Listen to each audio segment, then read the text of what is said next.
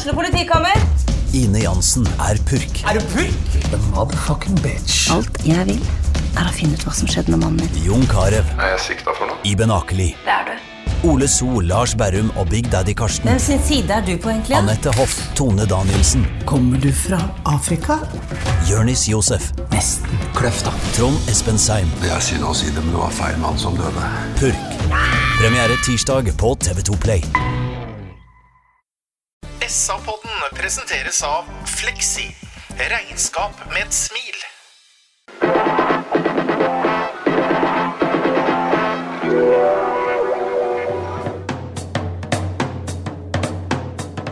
Sarpsborg Arbeiderblad gir deg en ny episode av SA-podden med Sven René Nygård, Øystein Weber, Petter Kalnes og Bjørn Inge Bingen Nilsen. Hjertelig velkommen til en ny utgave av eh, SA-podden. I studio sitter Sarpsborg-fotballens svar på Ole, Dole og Doffen. Sven René Nygaard, hei. Ja, da er jeg Ole. Du er Ole. Takk. Bjørn Inge Dole Bingen Nilsen. Hei, Bingen. God kveld, hei. Og Doffen Hei, Petter. Øystein Veberg. Da blir vel jeg Donald Duck, ja, da sikkert. Og det er eh, Det får være bra nok. Jeg heter Petter Kalnes. Vi vi legger inn Onkel Skrue, vi, Petter. Onkel Skrue. Det høres også veldig bra ut. Vi har vært og sett en fotballkamp på Sarpsborg stadion, gutter, og den vi skal preke om. Sarpsborg 8, Brann 0-0. Ny trener, Bingen, som uh, har snakka mye om offensiv fotball den siste uka. Så du noe særlig endring? I, jeg vil bare si bunnsolid defensivt igjen. Offensivt, ja. Skjønner at de skal øh, ha mer ball og avveie når de skal støte, og så ikke. Men jeg kunne godt tenkt meg faktisk at nå ble det litt for mye trilling av ball, og jeg øh, syns vi på en måte ikke tok overgangene sånn som jeg skulle ønske. Inntrykket ditt, Stein?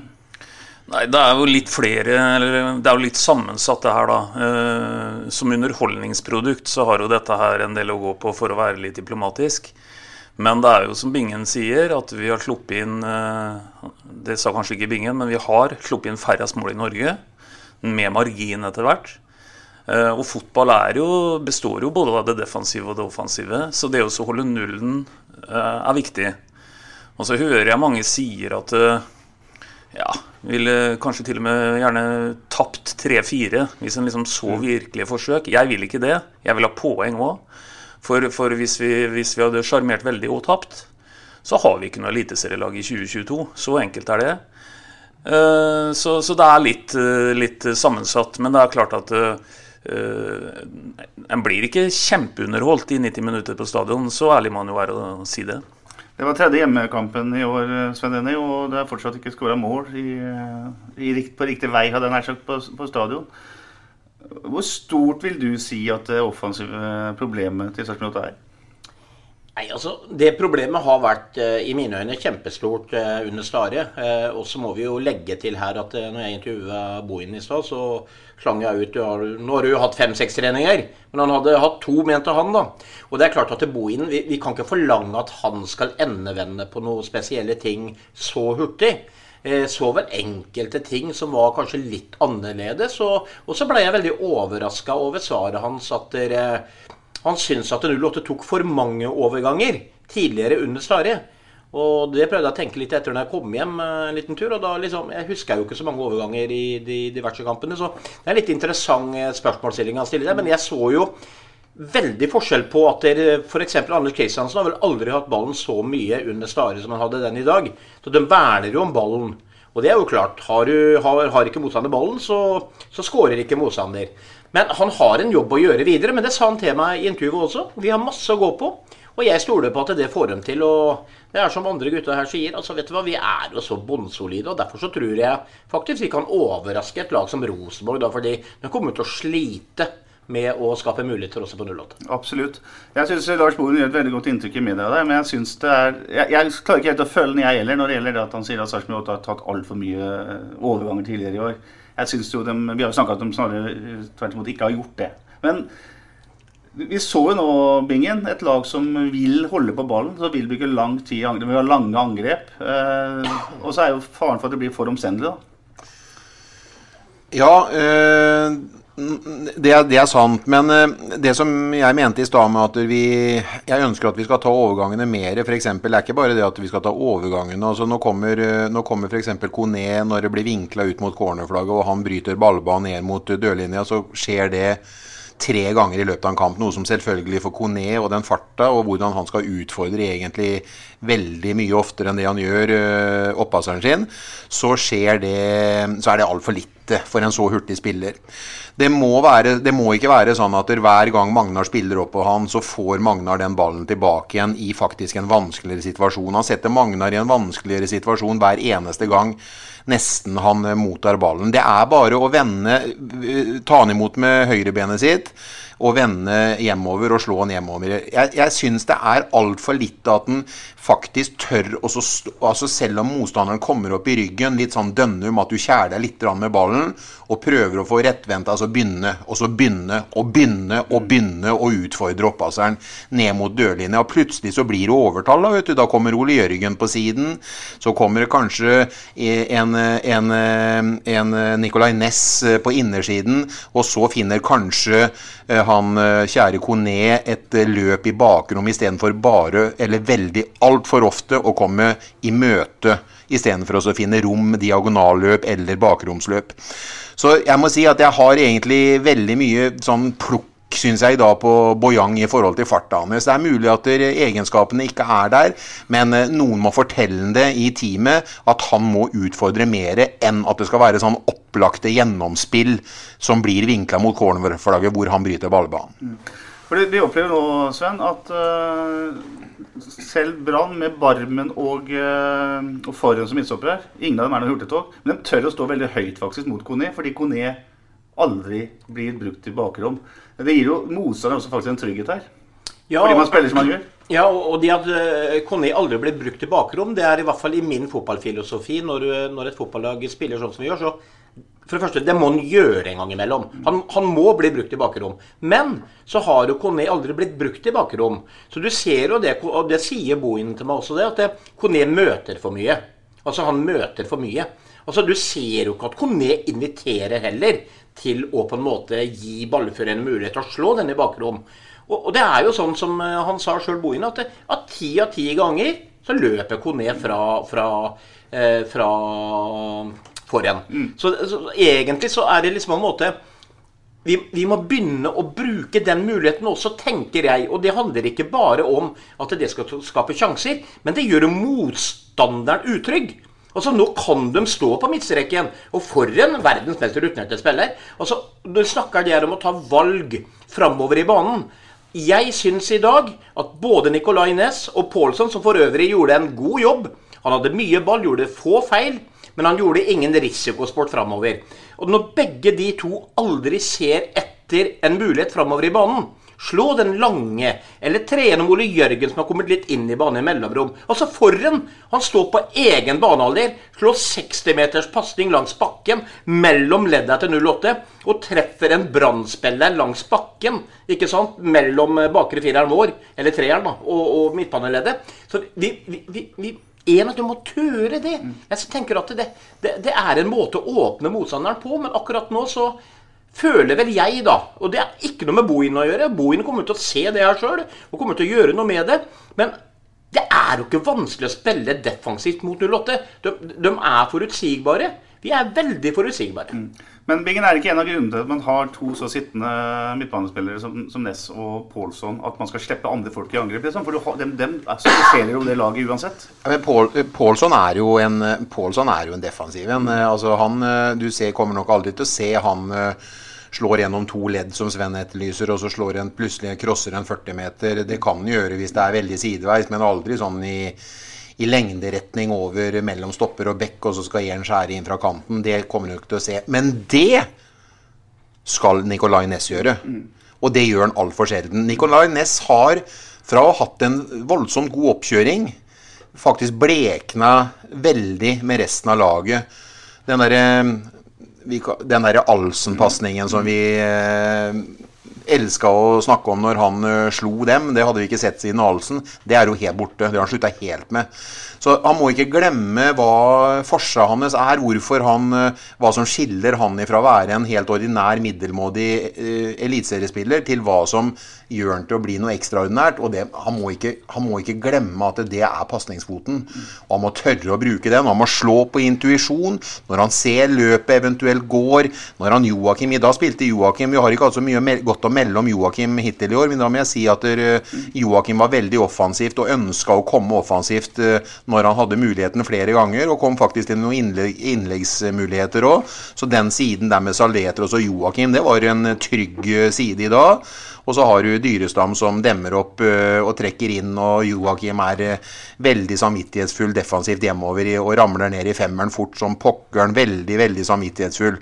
Så i dag skal han ha ros, men uh, ellers har Joakim slitt med posisjonering, og han har vært skada lenge. så det er eh, kanskje en formutløsning han får nå som eh, Og så kommer en ny trener nå som gir en litt eh, senka skuldrer, og vi ser en annen type fotballspiller. Han er kapteinen vår, så vi forventer jo egentlig at han skal gå foran som et veldig godt eksempel. Så jeg håper at det er bare fortsettelsen under bohinen for Joakim, som er en av de mest rutinerte. Men jeg er helt enig. Du skal se at de to sittende skal være mer offensive, og da velger jeg å tro at Pålsson skal være den der defensive. Han skal aldri ramle ned i treeren, men han skal være den som holder det solide og være ankeret på, på, midtbanen i, i, i fireren. Og så skal, han, eh, så skal han Ness være den som tør å ta mer sjanser og så spille eh, Ole Jørgen og, og Saletros eh, enda bedre i fortsettelsen. Han mm. må tørre å utfordre pasningsfoten sin. Mm. Dette laget har fått en ny arbeidsleder, som du pleier å si, Øystein. Hadde du uh, forventa uh, å se en, en, klarere forskjell fra det vi så under Stare og det vi nå ser under Bohinen? Jeg tenker på Altså, eller mer, mer, sprudlende i det offensive delen av spillet? Nei, egentlig ikke. Jeg syns at det som nesten er minst interessant å diskutere i dag, det er personen Lars Bohinen. Det går rett og slett på at han har vært der en uh, ukes tid. Han har uh, akkurat den samme verktøykassa som, som Stare hadde. Og det er på en måte begrensa hva han kan, kan, få til i forhold til det. Og så bør vi ikke snakke så veldig mye om å restarte alt mulig heller. For det er jo ikke sånn at eh, alt en har gjort tidligere er idiotisk, og alt en skal gjøre framover er genialt. Sånn er det jo eh, Noen ganger kan det jo bli fremstilt sånn, men sånn er det jo ikke. Eh, sannheten er at vi har over tid vært solide defensivt, men vi, vi blir, har en tendens til å bli for baktunge og produsere for lite framover. Det, det, som jeg syns er litt uh, pussig i forhold til det, det er at uh, guttene sier at uh, det, er ikke, det er ikke en uh, Uh, Palsson som skal slå den der gjennom et par ledd. Ja, han var en av dem som gjorde det. Da, da han spiller, uh, spiller den rett frampasningen til Bojang som kommer ned til dørlinja, får slått inn, og Konjen ikke er over. Uh, så hver gang vi prøver på det Altså Det har vært sånn at hver gang vi Eh, gjorde noen sånne typer forsøk, en Joakim f.eks. som spiller framover kontra hjemover, så, så så blir vi straffa for det på en eller annen måte. Så hadde jeg skjønt at det var veldig skeptisk, skepsis til oss å kanskje gjøre det. Men, men de valgene ser vi jo ofte at det er, er, bra for kollektivet. Og så må vi jo understreke da at uh, det dreier seg om også Det er nesten sånn du, at en kunne tenkt seg at en sa til en del av spillerne jeg, jeg forventer å se noen feil av deg da. For, for eh, det betyr at de prøver. Og jeg tenker sånn at eh, jeg tenker sånn at uh, Det er ganske ufarlig å miste ballen høyt i banen basert på at en slår en pasning med små marginer, men en litt sånn sjansepasning. Det er jo ikke sånn at når en får et brudd imot, når det bruddet skjer på motstanderens omtrent 16-meterstrek, så sier det pang, og så får du et mål bakover. Jeg har lyst til å si en ting. Jeg har lyst til å si en ting. Ikke om person Bohin, men litt om person Bohin allikevel. For at det var en glede å høre Bohin i intervjusone etter kamp i dag, hvor han eh, gir en eh, middels pluss eh, til, til gjennomføring av kampen.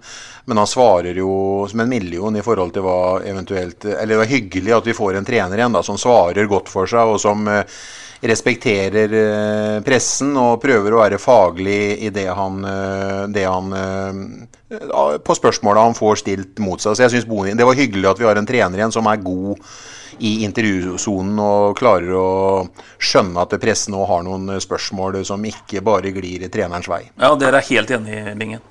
Det støtter jeg helt ut, jeg òg, for det var jo jeg som intervjuet og det var behagelig. Men det, det, det, som jeg savner, og som jeg, jeg syns gjør at vi på en måte bruker for lang tid offensivt, det er at hvis vi tar de her enkle eksemplene som vi sikkert så 50 ganger i dag, som vi har sett eh, 50 ganger tidligere Det er hvis f.eks. Eh, Anders Kristiansen spiller ballen ut til Magne Rødegård, trekker ut mot høyre, så slår han sentralt inn til Nicolay Næss, som flytter ballen videre til Pålsson, som tar med seg Dyrestam og Dyrestam tar med seg Joakim Thomassen. Altså, Den prosessen man går igjennom der, når de endelig har vunnet ballen f.eks. Hvis Nicolay Næss kan slå den rett til Dyrestam, som igjen kan ta med Thomassen, så er det et ledd mindre. Som igjen gjør at de her branngutta må jobbe mye hardere for å komme på rett side. Og det er ikke noen risikopasninger. For de, de er for så vidt enkle. Det ser man fra tribunen. Så de, sånne små grep med å på en måte for det er klart at 08 er utrolig gode på ett touch. De trener mye på ett touch. Og så blir det naturlig å bruke det i fotballkamper når de har ballen.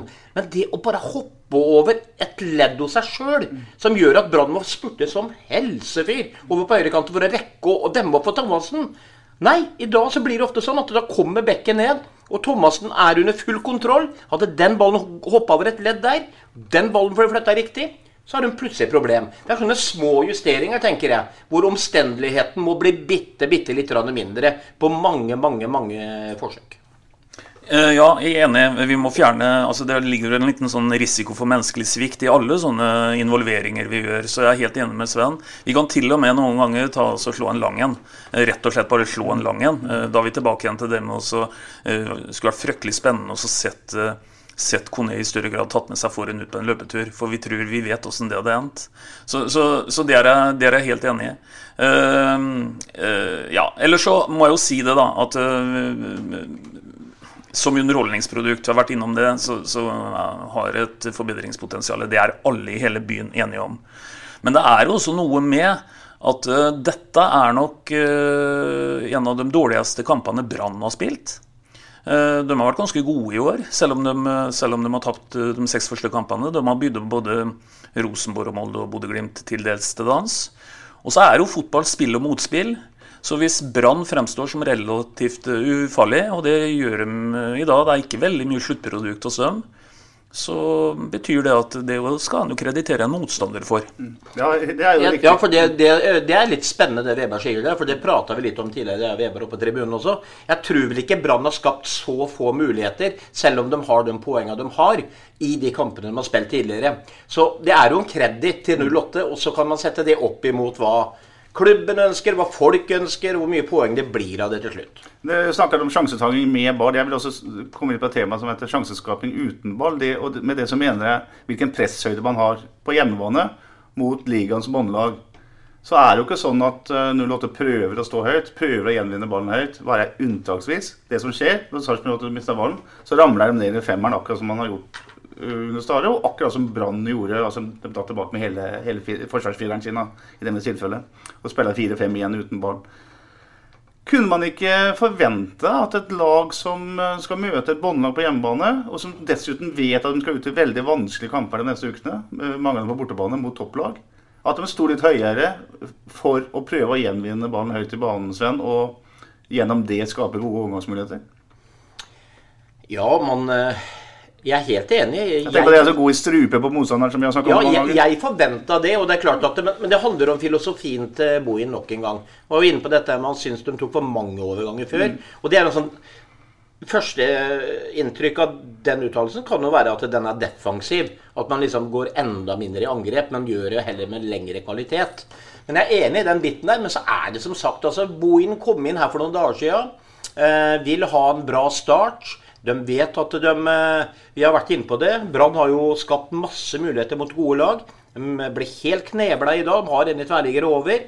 Men det er klart Jeg trodde, da, og folk trodde sikkert at dere For vi så det under Stare noen ganger. At det, plutselig så skrek han jo ikke 'tight, tight'-bingen, men han kjørte jo hele laget opp. Så sto alle i trynet midt på motstanderens banehalvdel. Og det så vi ikke mye av i dag, faktisk. Så filosofien til Bohin er nok eh, ta de overgangene man vet at kommer til å bli ganske gode i forhold til spillere foran ballfører. Eh, og dette med å skape ting etablert angrep. Og en del ganger så, så vi jo tendenser til overlapp hos Joakim Thomassen. Bojang kommer rundt. At de, de er jo innpå noe i forhold til dette her. Og det som slo meg når Bojang kom ned, og når Thomassen kom ned, så så jeg, syns jeg, da noe i dag som ikke har sett under Stare. Jaggu var det noen blåkledde inni den 16-meteren.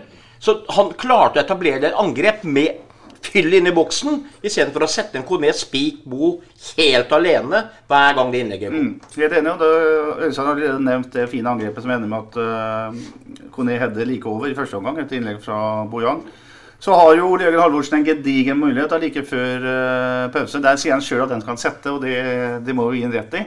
Og så har vi også Kone en heading da som toucher eh, tverrliggeren etter, eh, etter, pause. I tillegg så husker jeg et eh, bra langskudd fra Nicolay Næss. Bingen, det er eh, seks poeng etter fem matcher og 3-2 i målforskjell. du som er gammel statistiker. Det er en utrolig målsnål sesonginnledning fra 08. Ja, det er det. Men seks poeng, Vevar, i forhold statistisk sett nå så kan vi ha 36, eller? Da får vi 36, og ja. da overlever vi hvert år. Så Sånn sett så er vi jo kommet godt ut, og det som er betryggende, så er det ikke noe tilfeldighet at vi spiller. Nå får vi jo selvfølgelig kjørt oss i den neste kampen. Nå kommer vi jo på rekke og rad med er det Molde, Rosenborg, Vålerenga, Viking. Viking og så Molde igjen. Mm. Så det er klart at vi kommer opp i en sånn liksom generalprøve nå, men allikevel så velger jeg å tro at den eh, soliditeten og defensive mm, strukturen i laget vårt, den kommer aldri Jeg tror ikke Det skal mye til at vi plutselig går på noe blemme her med fem mål bak. Uh, Uh, tror jeg. Jeg syns vi virker så bunnsolide, og det, det, det, det skal, det, tar nok de andre lagene litt sånn høyde for i forhold til at de skal gå hardt, og får vi utvik litt uh, ja, litt haltende, og at vi går litt hardt på sånn og sånn. Jeg så et, et, eksempel i første omgang hjemme i stad på hvor, uh, hvordan Berisha nesten uh, svever mellom et gult og et rødt et på Claesson, keeperen til Vålerenga. Det er klart at han er satt ut av spill litt her. Han, uh, og de, de, de, de, er nok klar over at vi er gode, og de vet hvem navnene på dem som spiller i den treeren bak er. så men jeg, blir veldig, jeg er veldig spent nå. Nå skal vi opp til eksamen, og jeg gleder meg. Og jeg er jo helt overbevist om det, Sven, at vi får jo ikke gått ut og ført de kampene på noen av de stadionene her sånn, på bortebane. Og det gir jo muligheter for oss. Og en som vi på en måte har vært meget misfornøyd med, er jo Rashad Mohammed. Og det er jo gledelig at han på en måte kommer inn i dag og gjør det han gjør. Det er ikke noe tvil om at vi har brukt for hurtigheten hans. Eh, han er ikke noe åpenbaring eh, til fotballen i forhold til eh, teknikk og kort, kortpasningsspill. og to touch på trening, men uh, du ser jo at han uh, har respekt når han kommer ut på banen. Og han gjør jo en god inngripen i dag i forhold til det han gjorde for tre kamper siden, Sven, når du var jævlig forbanna. Mm.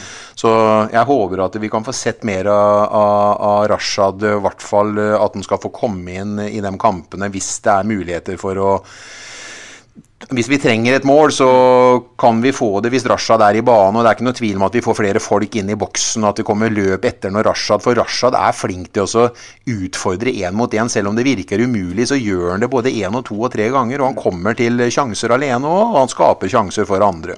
Ja, det er, ja, unnskyld. Eh, det er jo ikke bare når vi trenger et mål. Altså, jeg kan ikke dy meg for å gå tilbake igjen til Odd-kampen, hvor hun kjører powerplay mot oss i 45 minutter. Eh, Eh, da hadde jo enda målet ikke kommet. Der ville en også brutt et massivt uh, motspill med å bytte mye tidligere inn en Rashad som kunne stått oppe. Jeg snakker ikke engang om at han skal ha den beste dagen på jobben som han eh, kan ha, men du må ta hensyn til han. Så da hadde de vært helt nødt til å gjøre noe som hadde i hvert fall hatt en viss defensiv tanke. Så jeg tror at et Rashad-bytte framover det tror jeg vi kommer til å se mer til. For det, det mener jeg at det er en av dem det er en av de verktøyene i denne kassa som på en måte er litt sånn eh, odde. Det er litt sånn, eh, Du får ikke helt tak i hva du kanskje får, men du får den farta. Og så kan, kan, han eh, gjøre at de er nødt til å hensynta det. Det var jo også et helt klart trekk at de kjørte nærmest med to spisser på slutten her, med at Rasha var ganske sentralt til banen og var på stussene til, til Kone Ja, han gikk i bare, det så jeg jo. Som jeg har savnet, ja, for jeg har savna det veldig. Ja, det er ingen som tar nedfallsfrukten fra den duellen som Kone er i. Nei, den, den, den må jo Rasha da lese, eller Ole Jørgen og dem. Og, og, og, og som gammel fotball vet jeg jo det at når vi spiller 4-4-2, så spilte vi jo med en som vant alle duer, så stakk den andre. Men den som stikker, må da også være fotballfaglig klok på lukte rommet. Hvor kommer den ballen? Nå har Rashad hatt det bare 14 dagene eller en ukes ferie. Så må han rydde opp i sitt hode, tenker jeg, i forhold til sine personlige ting og alt dette her. Nå har han fått en ny trener, en ny start, restart på alt. Og det er klart Hvis Rashad klarer den jobben der, så blir han en viktig fotballspiller for 08. Spesielt som Øystein er innpå i sånne type kamper. Og tenk om han kunne gått ut på de turene med Kone da eh, i forhold til forhånd. Men jeg må bare si en ting til. Vi har snakka om den mannen før. I dag var jo ikke han Jonathan Linseth med. Og det føler jeg han kunne vært mannen i dag. De er sugende løpa som gjør at forren må stikke ut og eh, ta seg av det løpet hans og gå i den banen, så blir Kone litt ledig. Tenk å ha hatt en eh, Linseth som hadde surra litt rundt der oppe i dag. Og han blir jo, så Jeg håper for guds skyld at han blir fort ferdig. I f.eks. type kamper borte mot Molde og Rosenborg, hvor de kommer til å trykke oss. Men da har vi han i tillegg som kan komme med de her i løpet. Så bli frisk Linseth. Og i tillegg så har vi jo en Petter eh, Fardal Opseth som ser eh, lysende ut med den kloke foten, og som kan eh, egentlig møte ballen og så slå igjennom feilvendt på løp. Altså, så vi har spillere som fortsatt kan komme og utgjøre en forskjell der, Sven. Så det er helt riktig. Både Linseth og Fardal Opseth. er bare minner om Fardal Opseth. Han tror jeg kommer til å ta publikum på stadion med storm. Jeg gleder meg til han er ordentlig klar. Helt enig med deg. Han satt på benken for første gang i dag. og en, Han er også en boksåpner i tillegg til at han er en, eh, en målskårer. Han, han tror jeg vil, eh, vil gjøre folk rundt seg eh, mye bedre. En, det ene grepet Bohinen gjør i dag, da, som uh, på en måte markerer uh, hva han vil, kanskje, er å flytte Anton Saletros fra sentral eh, midtbane ut til venstre som en slags eh, som en, ren, eh, eller som en venstreving, in, innoverving.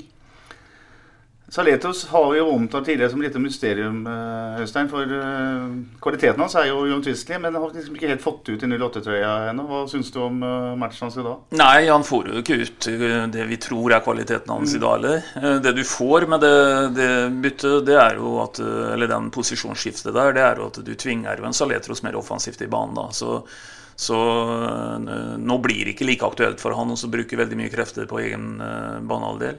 Men eh, det er klart at altså, Offensivt i dag så er det jo mye å gå på, og det inkluderer også Anton Saletros. Men du får noe med en, vet du, Petter. Jeg vil si det. Du får noe med en. Du får tryggheten på den siden. Du får makkeren hans, altså Joakim, som jeg si. Altså, han ble definitivt tryggere med Saletros på den siden foran seg i banen. Og det er ikke noe tvil om at eh, Saletros ligger jo bak eh, eh, 80 av løpa og det Joakim skaper offensivt i dag, så er det Saletro som ligger bak. Han er veldig klok til å holde, og så spiller Joakim god høyere opp i banen enn det f.eks. Joakim har klart å evne tidligere i sesongen. Ja da, eh, men samtidig kan man jo fable med at hvis Linseth hadde vært frisk og hadde hatt den rollen til eh, Saletros, så hadde vi jo fått noe helt andre ting. Da hadde vi fått dem løpa tidlig inn i de mellomromma, kommet på innlegg fra høyre og alt dette her. Men Saletros i dag, han gjør en helt medium kamp, han. Men altså, har vi ikke bestandig pratet om Saletros er så utrolig kreativ og god? Og det er helt sikkert. Men da må han ha ballen mer. Og han må ha ballen i andre posisjoner, i mine øyne, enn helt ut på venstrekanten. For å da ikke ha en mulighet til å slå noe framovervann, man må ta med seg som støttepasninger.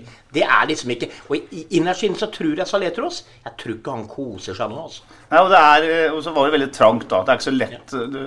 Brann gjorde det vanskelig for Sarpsborg 8 var med å legge seg veldig dypt, så det var veldig få rom. Men jeg syns heller ikke Saletros koser seg, og du, du har helt rett. Han får veldig ofte ballen feilvendt og må slå en støttepassing som liksom er litt sånn unødvendig for en så, så god spiller. Men er, er, det, er det snart et spørsmål om ja, hvor god er egentlig Anton Saletros? Ja, Men det så vi da han kom. Vi så jo han tok jo klubben. Så husker jeg var det på Marbella, treningskampene mot gode europeiske lag. Han eide jo fotballkamper. For det første hadde han trua på det der og da. For det andre så fikk han andre eh, arbeidsbetingelser antageligvis før ting satte seg i forhold til hvordan vi kan spille. Da fikk han lov til å blomstre kreativiteten sin.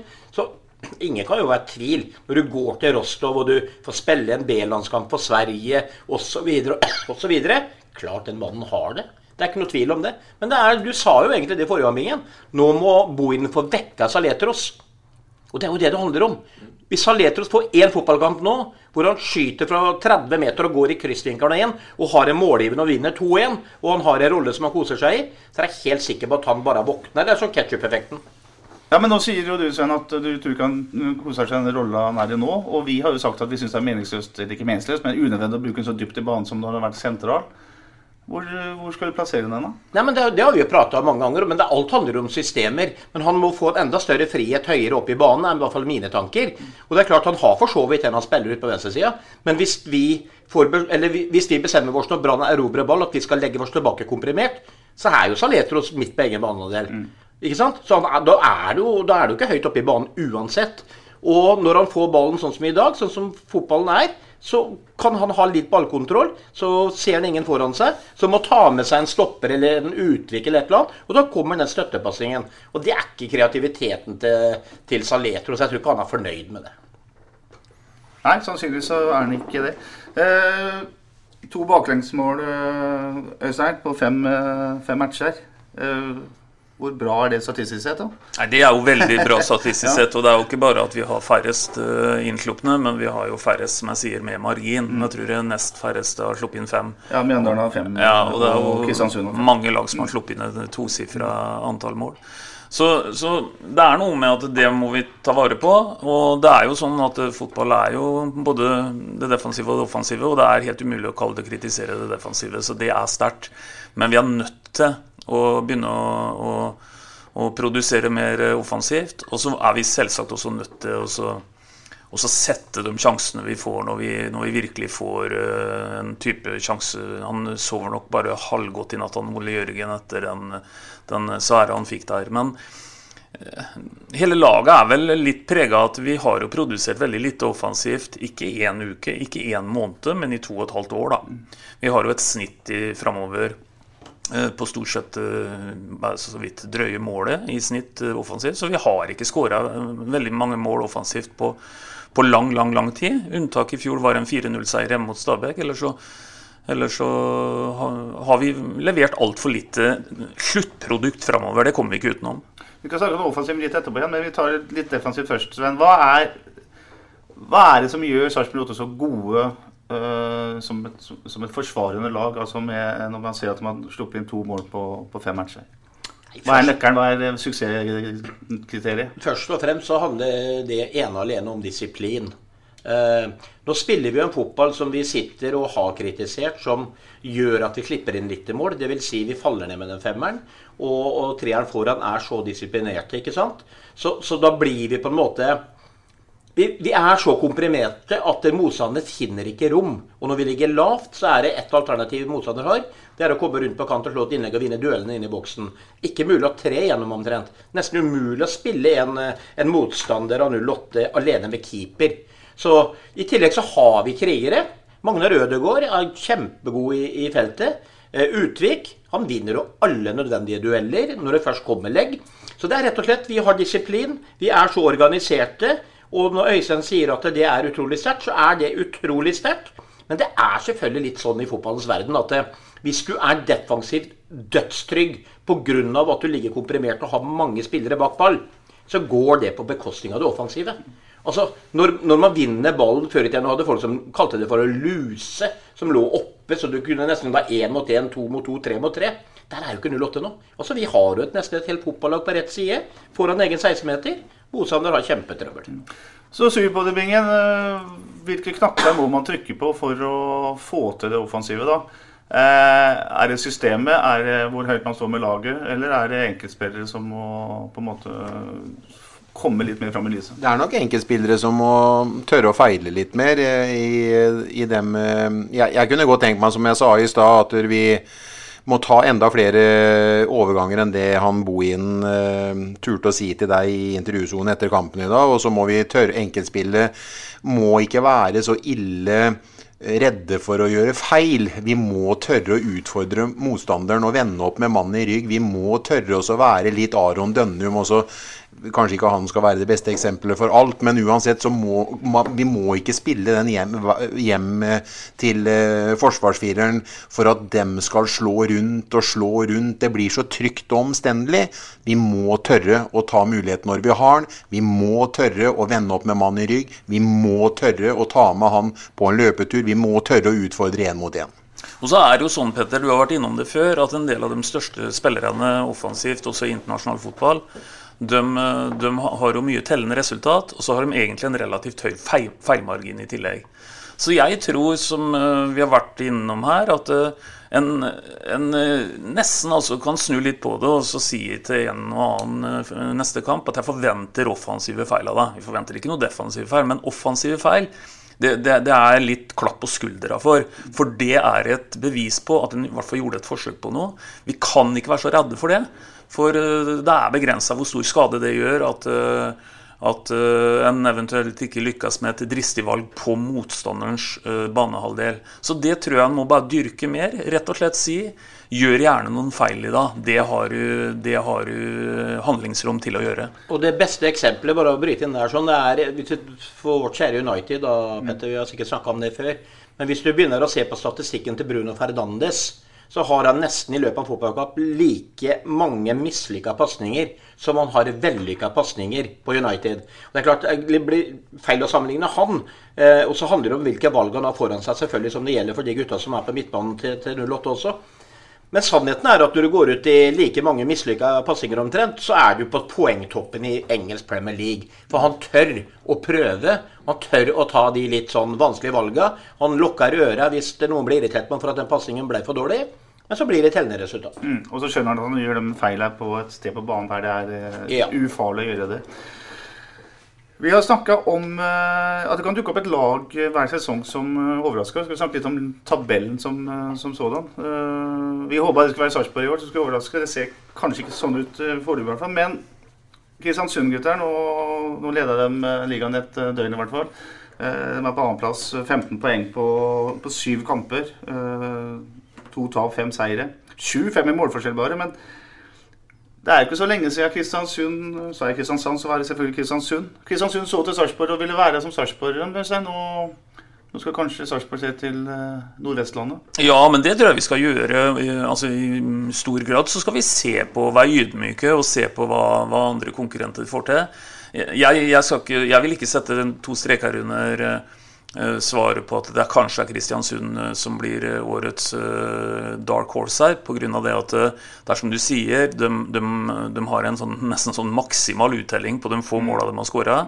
De åpna vel med to strake tap. På det tidspunktet var, var, nok, var nok ikke veldig mange som gjetta på at de skulle lede serien etter sju serierunder før runda i kveld nå, da, som ble komplettert med at at Bodø-Glimt gjentok den ledelsen. For øvrig jeg må korrigere en liten ting. Bodø-Glimt har bare sluppet inn fire mål, så da da, da er de det laget som har sluppet inn nest færrest mål bak oss.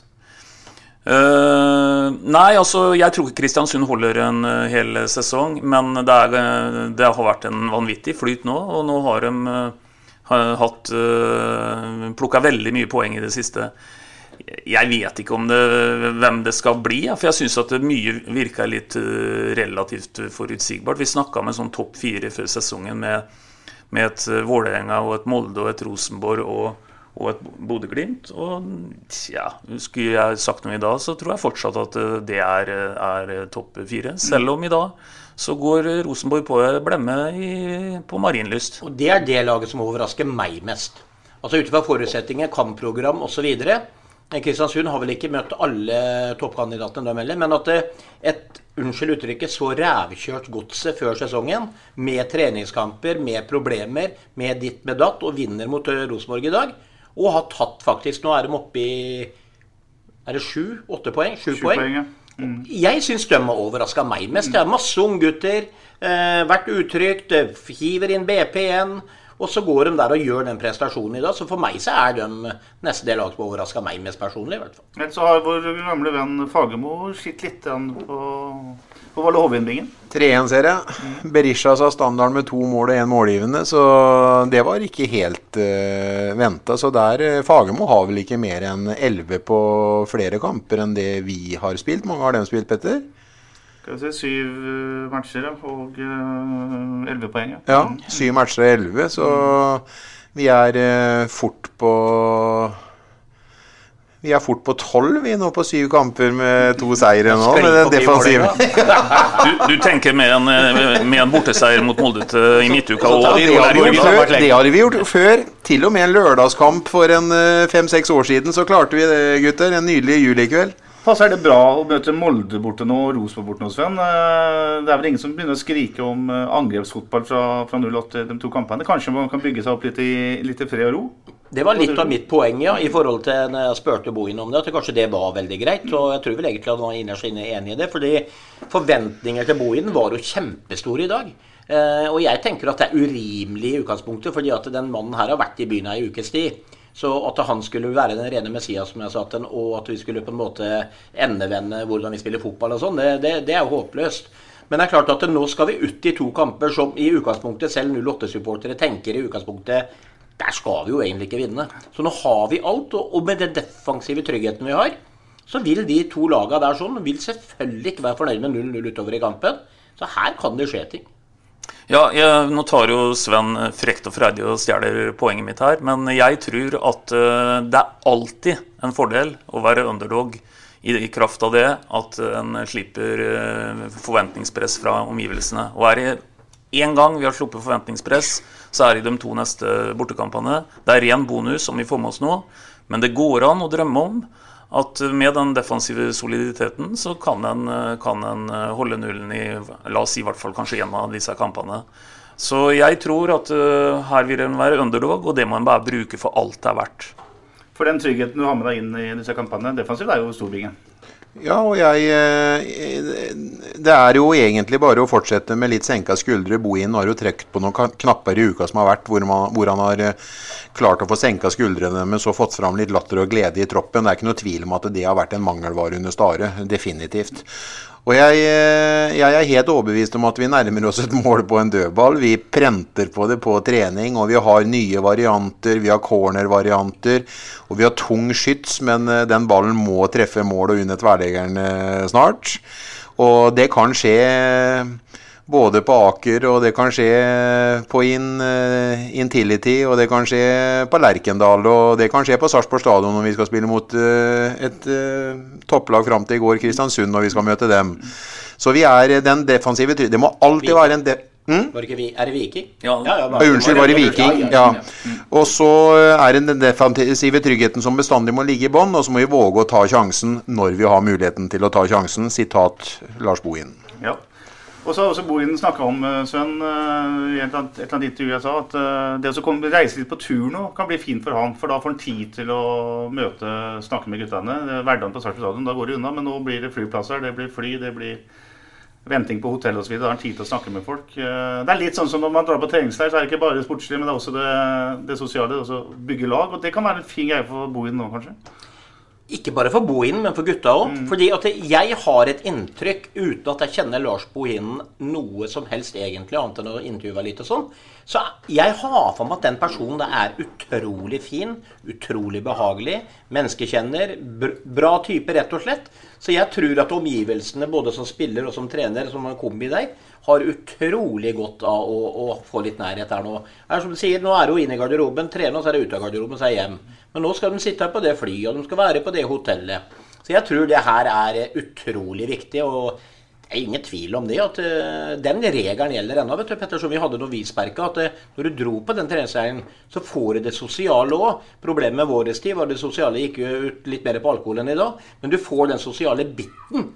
De gutta spiller poker, og de sitter i sammen. og Det gjør de jo ikke nå for tida. Nå har de jo ikke stort sett kun møttes.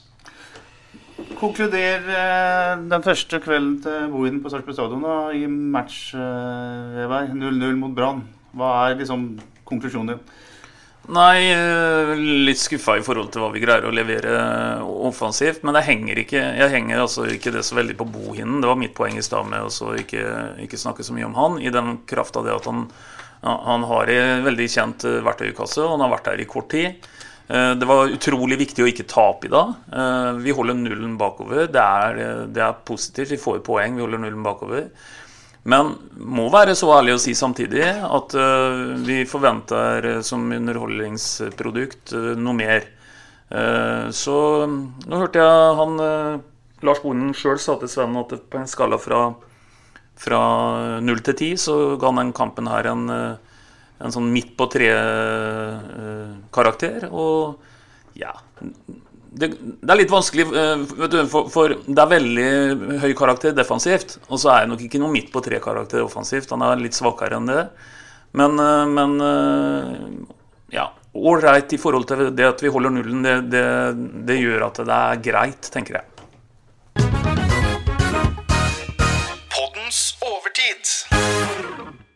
Det er umulig å snakke fotball i dag, gutter, uten å touche innpå den, den episoden som skjedde i Parken i København uh, lørdag kveld. Noen, uh, noen, bilder som jeg håper vi aldri får sett igjen, da uh, eller får se igjen da Christian Eriksen går og renner med en, et voldsomt illebefinnende. Hva, hva, Øystein, hva var dine første tanker når du så, så det som skjedde der? Nei, Det var dramatiske, dramatiske bilder. Eh, en blir jo, en blir jo uvel. En tenker jo plutselig at uh, fotball betyr jo ingen verdens ting når, når sånne ting eh, inntreffer. Og her fikk en jo også kringkasta noen TV-bilder som var rett og slett drøye å se på. Mm. For dette er jo virkelighetens verden. Og det var jo ingen tvil om at det her må en få i gang hjertet igjen på, på gutten. Så jeg ble helt uh, kald. Og heldigvis så kom det positive nyheter etter hvert. For uh, her frykta jeg faktisk en periode den fatale utgangen. Mm. Det jeg også tenkte litt på bingen, er det faktum at uh, dette skjer et sted der det er altså, det, aller beste legemateriellet man kan ha, er på plass. man har de hjelpemidlene man trenger. Hadde dette her skjedd på en lokal fotballbane, eksempel, så er jo, det er jo bare Guds lykke hvis man kunne klart å komme ut av den situasjonen med et uh, heldig utfall. Ja, Nå er det noen profesjonelle rundt uh, hele banen. og dem uh, fra, fra, spillerne som begynte med stabil sideleie og frigjøre luftveiene, til da klubblege og Eller landslagslegen og legepersonellet rundt banen eh, kom eh, til med både eh,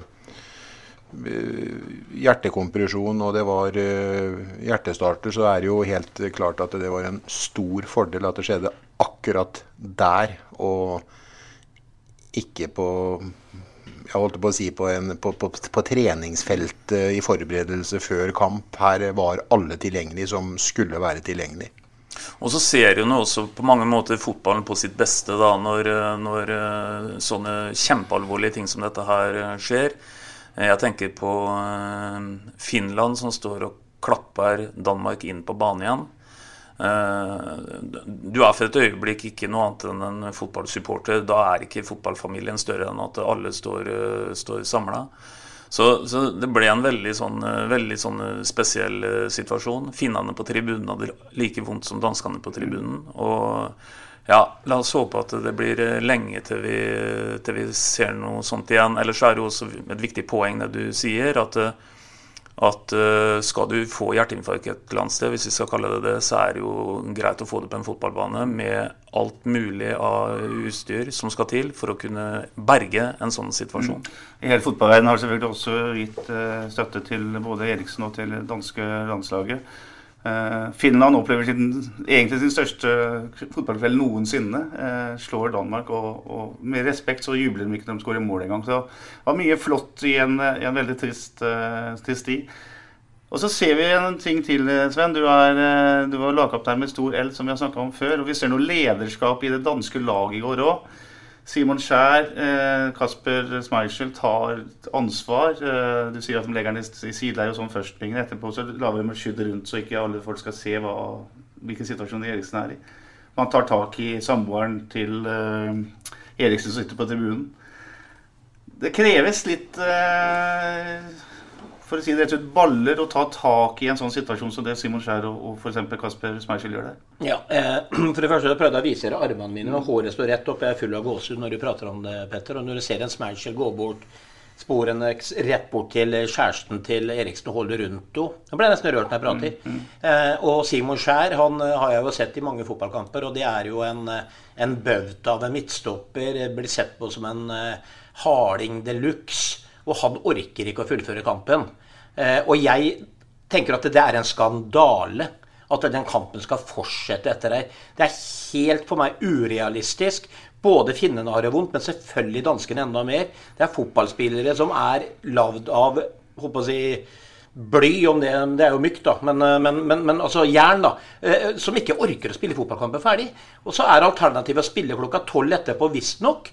Og jeg tenker at Det er ikke så veldig godt alternativ, men det er jo mye bedre. Og så få gå hjem og hvile, få litt bedre beskjed åssen går det med gutten vår. Sove litt og gå ut og spille den kampen videre. Så For meg så var det en like stor skandale. Men jeg er helt enig med alt dere har sagt. Det er lederskap, det er omsorg, det er fotballfamilien generelt. For sånne ting skal man selvfølgelig ja, Man ønsker ikke å oppleve det der, og det er jo bare grusomt. Og så får vi håpe at Danmark går videre. Øystein. Ja da, også, men du, her beviser jo uh, Kasper Schmeichel og Simon Kjær for hele verden hvorfor de er to ledere her i mm. dette laget. her. Da. Mm. For, uh, for Se også hvordan Kasper Schmeichel han står vel 80 meter unna denne situasjonen. En av de første som skjønner at her står livet på spill, faktisk. Så det er, Jeg er vel ikke helt enig med Sven i så sterke uttrykk i forhold til hvorvidt kampen ikke skulle gå videre. Jeg tror at de har ganske sterke forsikringer om at dette har på en måte gått bra. Det kom ut meldinger om at han var stabil og at han var våken. At han til og med har sendt noen meldinger at det har vært noe kommunikasjon der. For det er noe med å få avslutta ting. Vi, vel å merke, jeg understreker jo det jeg sier, at fotball betyr ingenting i en sånn en sammenheng. Men rent sånn organisatorisk og litt sånn logistikkmessig med å skyve den kampen over på en dag etterpå, ja, jeg hørte hva han sa, han, eh, han eh, danske fotballtreneren. Han støtta jo egentlig det med å gjøre seg ferdig med dette greiene her på kvelden. Men samtidig så tenker jeg det at der, der, må jeg bare få lov til å være uenig. fordi at de sier selv om de får en beskjed når gutten har ligget i utgangspunktet død litt, og selv om han våkner igjen, så vet man jo ikke all verden. Så kan umulig være så utrolig. Man har jo ikke fått ta tester. Altså, Man får beskjed om at øyet er kommet opp igjen. Men når du har vært igjennom det som vi satt og så bilder og, og videoer i går så Ikke fortell meg at du går ut der Ja, har våkna igjen, nå er vi i gang, liksom. Altså, De, de er, de er utlada. Eh, jeg, jeg, hadde i hvert fall hadde jeg sett om Petter Kalnes ligga for meg vært død en periode så hadde alt av energien min bare rent rett ut av kroppen min. Ja da, og det fikk vi jo, det, jo, ja da, og det fikk vi jo bevist. For det er jo som du sier, at lagkaptein han greier jo ikke mer enn 60 minutter. Han greier bare et kvarter. Så mm. uansett her, så er det sikkert ikke Det var en utlading for dem, det, Sven. Men det er nok som Eberg sier, det kommersielle rundt det her i forhold til publikum, eh, sendetider eh, Du skal gjøre alt på nytt igjen eh, og kaste deg rundt og så få det til kanskje bare ja, 15 enig, timer etterpå. Helt enig. Ikke for å avbryte, men som jeg sier, vi har akkurat sagt at da blir fotball litt viktig. Mm. Ja, og så Når vi da samtidig skal si at det er kommersielt at vi skal rekke å spille, ja, da, da snakker vi jo mot liksom, altså I sånn situasjon så er jo ikke fotball viktig. Neida, og hvis det... alternativet er tolv dager etterpå så hadde vi fått til det da, på en eller annen måte. Ja da. ja da, ja da. Det, er ikke, det, er ikke, det største poenget mitt, men at dette her var noe som, som en hel verden ble prega av, det er ingen tvil om. Og det er jo som du sier, Petter, det kom jo Twitter-meldinger fra alt som var mm. av toppklubber i, i, verden. Så takk for at det gikk bra. Mm. Og i en eh, fotballindustri som ofte blir omtalt både som kynisk og eh, veldig pengegrisk, f.eks., så viser det at, det er at eh, fotballfamilien står sammen når, uh, når, det trengs. Det var litt alvor i overtid, gutter. Vi, vi skal se framover igjen, vi nå. Uh, vi skal bare ha resultatet Ikke noe mer enn det. Så vi skal bare ha resultatet på Aker stadion til onsdag. Det blir absolutt ikke veldig underholdende, men det blir 0-0. Bingen? 0-1. Uh, eh, her føler jeg at det, det, er ikke kjempemye å velge på. For jeg tror at det blir eh, vår mulighet er at dette her blir ultragjerrig. Så jeg støtter Svein denne gangen og sier at 0-0, uh, og det ville vært et resultat jeg hadde vært veldig happy for. Og du da, Petter? Jeg støtter Bingen, og da kommer det derre dødballmålet vårt. Det er dyrest, dyrestabsetteren. Dyrestabsetteren med pannebrasken etter en corner. Vi tar en ny podkast etter at uh, et eller annet har skjedd i Molde, og så kommer den ut da på torsdag morgen. Inntil det så sier vi bare at vi prekes. Vi prekes. Ha det. Ha det. SA-podden presenteres av Fleksi. Regnskap med et smil. Ukens annonsør er HelloFresh. HelloFresh er verdens ledende matkasseleverandør og kan være redningen i en travel hverdag. Mange av oss har nok vandret i butikken både sultne og uten en plan for middagen, som ender med at vi går for de samme kjedelige rettene gang på gang. Middag burde være dagens høydepunkt. Som Hello Fresh kan du nå velge mellom 25 ulike retter hver eneste uke, eller få Hello Fresh til å sette sammen menyen for deg. Dette gir deg muligheten til å prøve nye og spennende retter alene eller sammen med familien. Du velger antall porsjoner og får alt levert på døren på et tidspunkt som passer for deg. Oppskriftene er enkle, og maten er lett å lage både for store og for små. Ved å få alt levert hjem får du også mer tid til å dele matgleden med familie og venner. Kanskje det frister med asiatiske tacos eller greskinspirert kylling? Da kan jeg anbefale deg om å gå inn på hellofresh.no. Her kan du bruke koden FOTBALL og få opptil 1779 kroner i rabatt på de første fem matkastene hvis du ikke har prøvd HelloFresh tidligere. Du kan også bruke rabatten hvis du har vært kunde og stoppet abonnementet ditt for tolv måneder siden eller lengre. Gå inn på hellofresh.no og bruk koden FOTBALL. Har du et enkeltpersonforetak eller en liten bedrift? Da er du sikkert lei av å høre meg snakke om hvor enkelt det er med kvitteringer og bilag i fiken, så vi eh, gir oss her, vi. Fordi vi liker enkelt. Fiken superenkelt regnskap.